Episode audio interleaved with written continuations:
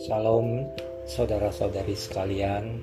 Pagi ini kita akan membaca dan merenungkan firman Tuhan dari Mazmur pasal 57 Sebelumnya mari kita berdoa.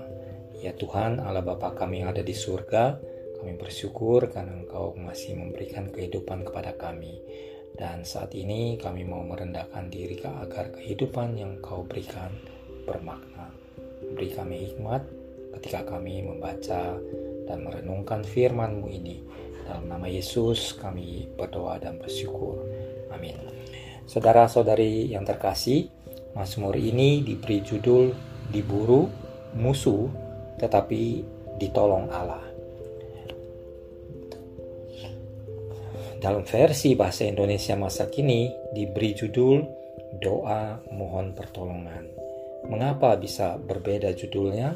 Tentu harus dipahami bahwa judul yang diberikan sebetulnya adalah untuk membantu kita memahami keseluruhan dari Mazmur 57 ini.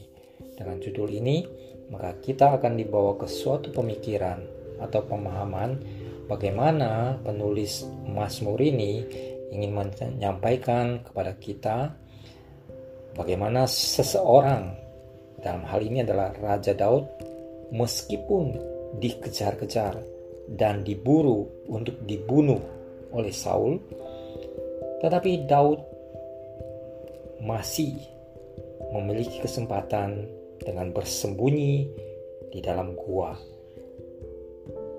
Nah, tentu ketika bersembunyi di dalam gua itu menimbulkan suatu kesulitan sendiri. Itulah sebabnya judul ini diberikan yaitu meskipun diburu musuh tetapi Daud tetap ada di bawah perlindungan Tuhan, ada di dalam pertolongan Tuhan. Nah, kondisi seperti inilah ya Daud ketika menjadi target operasi daripada Saul untuk dibunuh dan Mazmur ini ditulis. Kita akan mempelajarinya dan kita akan merenungkannya. Tapi sebelumnya mari kita membaca terlebih dahulu Mazmur 57 ini untuk diburu musuh tetapi ditolong Allah. Untuk pemimpin biduan menurut lagu, jangan memusnahkan Miktam dari Daud ketika ia lari daripada Saul ke dalam gua.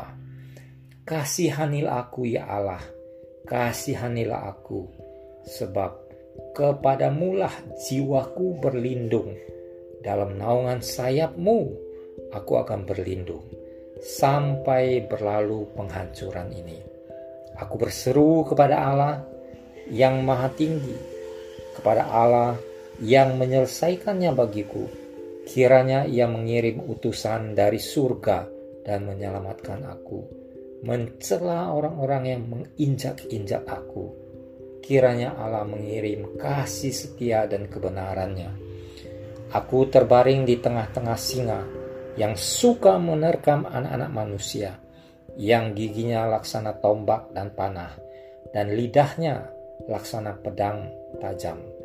Tinggikanlah dirimu mengatasi langit, ya Allah. Biarlah kemuliaanmu mengatasi seluruh bumi. Mereka memasang jaring terhadap langkah-langkahku. Ditundukkannya jiwaku. Mereka menggali lubang di depanku, tetapi mereka sendiri jatuh ke dalamnya.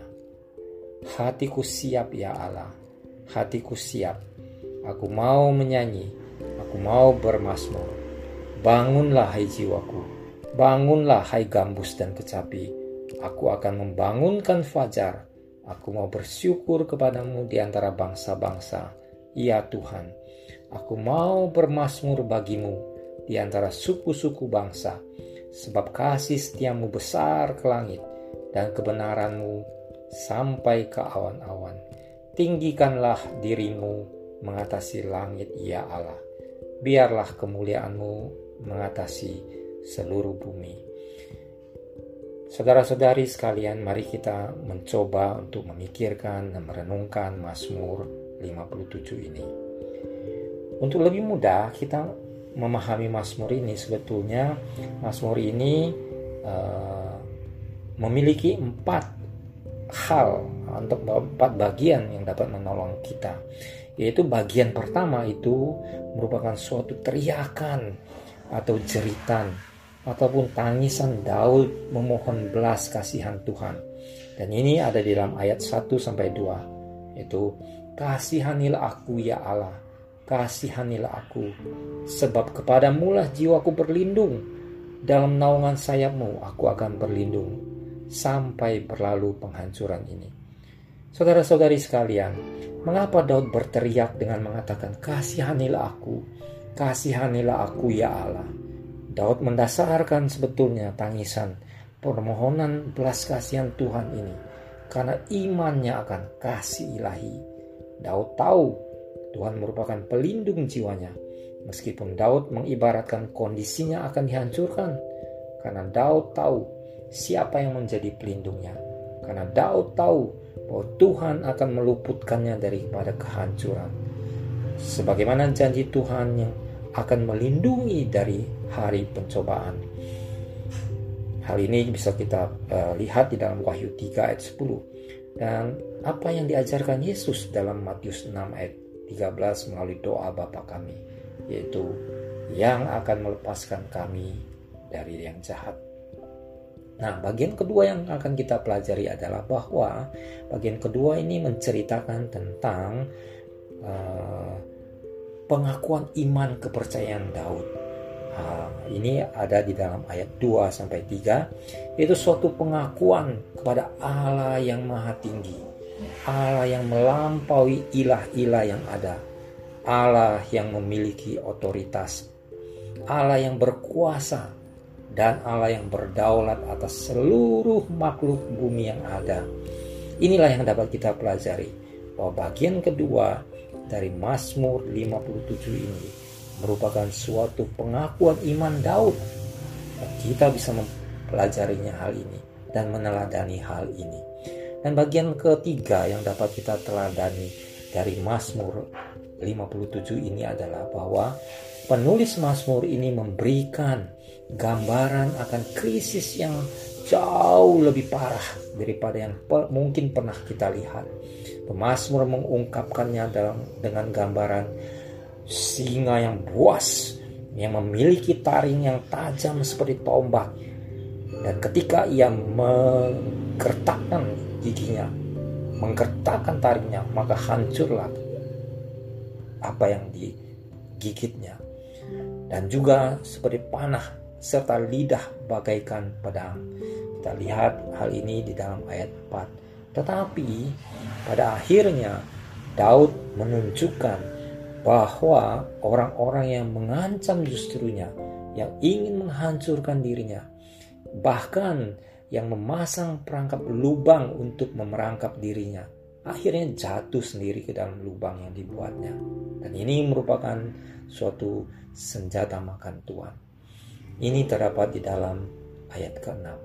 Dan hal keempat yang dan yang terakhir yang dapat kita pelajari melalui bagian Alkitab ini, Mazmur 57 ini adalah Mazmur ingin kita melihat bagaimana komitmen Daud. Dia menggambarkan komitmen Daud bagaimana setelah melewati berbagai hal, berbagai percobaan dan Tuhan menolong Daud berkomitmen untuk memuji dan menyembah Tuhan. Ini terdapat di dalam ayat 7 sampai ayat 11. Dikatakan di situ, hatiku siap ya Allah. Hatiku siap. Aku mau bernyanyi. Aku mau bermasmur bagimu. Saudara-saudari sekalian, apa yang disampaikan oleh pemazmur melalui Mazmur 57 ini sebetulnya merupakan suatu rangkaian pernyataan Daud bahwa meskipun kesukaran yang dialaminya hampir saja membuat imannya goyah karena dia dikejar dan dia memiliki suatu ketakutan yang luar biasa kesulitan yang luar biasa seorang raja dikejar tapi Daud tahu kepada siapa yang harus datang kepada siapa ia harus percaya, kepada siapa ia harus berharap, dan kepada siapa akhirnya ia memberikan komitmennya ketika dia melewati semua itu. untuk mendapatkan puji-pujian dan penyembahan yang membantu dia, yang menolong dia melewati berbagai kesulitan. Itulah Allah. Saudara-saudari sekalian, bagaimana dengan kita? Apakah kita juga mengerti dan memahami bahwa ketika kita mengalami berbagai kesulitan, kita tetap percaya dan tahu bahwa Tuhan akan menjadi pelindung kita. Di bawah naungan sayap Tuhan, kita akan dilindungi. Dan ketika badai dan kesulitan, maka semua itu tidak akan ada artinya. Bahkan mungkin dari mereka yang akan menghancurkan kita, justru mereka sendiri yang akan dihancurkan. Apakah kita juga memiliki kepercayaan yang sama seperti Daud bahwa Tuhan yang akan melepaskan kita dari perangkap orang jahat? Di dalam kehidupan realita, tentu kita akan bertemu dengan banyak hal yang orang akan main sikut dan kita mungkin akan disikut juga. Ya, dalam kondisi demikian, apakah kita juga akan datang kepada Tuhan? Kita tahu bahwa Tuhan yang akan melepaskan kita. Dan setelah semua badai ini berlalu, kita mendapatkan pertolongan Tuhan. Apakah kita juga seperti Daud? yang berkomitmen kepada Tuhan untuk memuji-muji dan bersyukur kepada Tuhan bahwa kita telah dilepaskan dan ditolong oleh Tuhan. Oleh karena itu, saudara-saudari sekalian, Allah yang kita kenal dalam Kristus bukan hanya Allah yang peduli, tetapi juga senantiasa bersama dengan kita. Semua kesukaran hidup yang kita alami tidak lebih besar daripada kasih setianya. Arahkanlah hati kita, maka ia akan menolong kita. Dan hanya kepada Kristus saja kita patut memberikan puji-pujian dan penyembahan kita. Amin.